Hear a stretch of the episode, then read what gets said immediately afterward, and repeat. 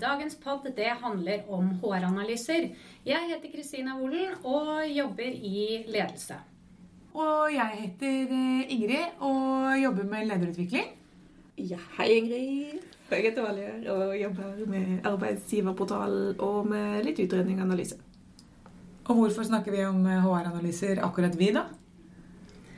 Det er vel fordi vi alle har jobba i HR i mange år og har jobba med analyser og har noen konkrete innspill å komme med. Jepp.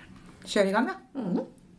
Ja, min erfaring det er jo at eh, HR sitter på mye mer HR-data enn hva vi kanskje egentlig tenker på. Ehm, og i tillegg så er det jo ingen som kjenner det indre livet så godt som HR. Eh, og her er det masse godt faktagrunnlag som vi kan bruke og løfte fram i virksomheten i mange viktige beslutningsprosesser.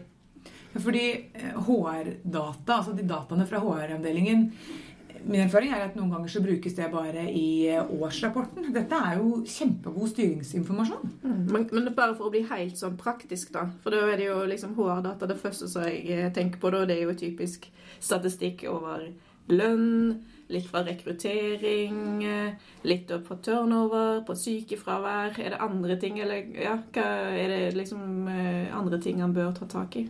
Ja, det er det absolutt. Jeg tenker jo på, som vi kanskje ofte glemmer det, det er f.eks. medarbeiderundersøkelsen som alle gjennomfører. Der ligger det utrolig mye god informasjon som bør sammenstilles med den dataen du nevner. Og ved å sammenstille data fra ulike kilder, eh, eventuelt evaluering av rekrutteringsprosesser, evaluering av f.eks. sluttårsaker når noen slutter, setter du disse dataene sammen, så får du et helt annet sluttprodukt som gir beslutningsgrunnlag langt utover det som har med enkeltdata hver for seg. Men da snakker du om noe som jeg opplever at HR syns er vanskelig ofte. Og det er nettopp å gå fra tallgrunnlag til å gjøre en god analyse. Hvordan gjør man en god HR-analyse?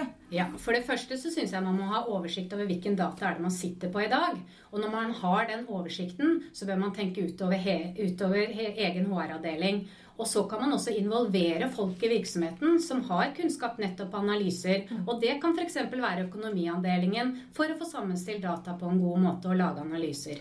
Men uh, her er det vel viktig at ikke HR setter i gang med så mye arbeid som er internt drevet, at de holder seg i onde herfra til evigheten med analyser. Altså, Hvem er det som skal bestemme da? hva analyser er det behov for? Vet HR egentlig hva, hva er det egentlig toppledelsen vil ha?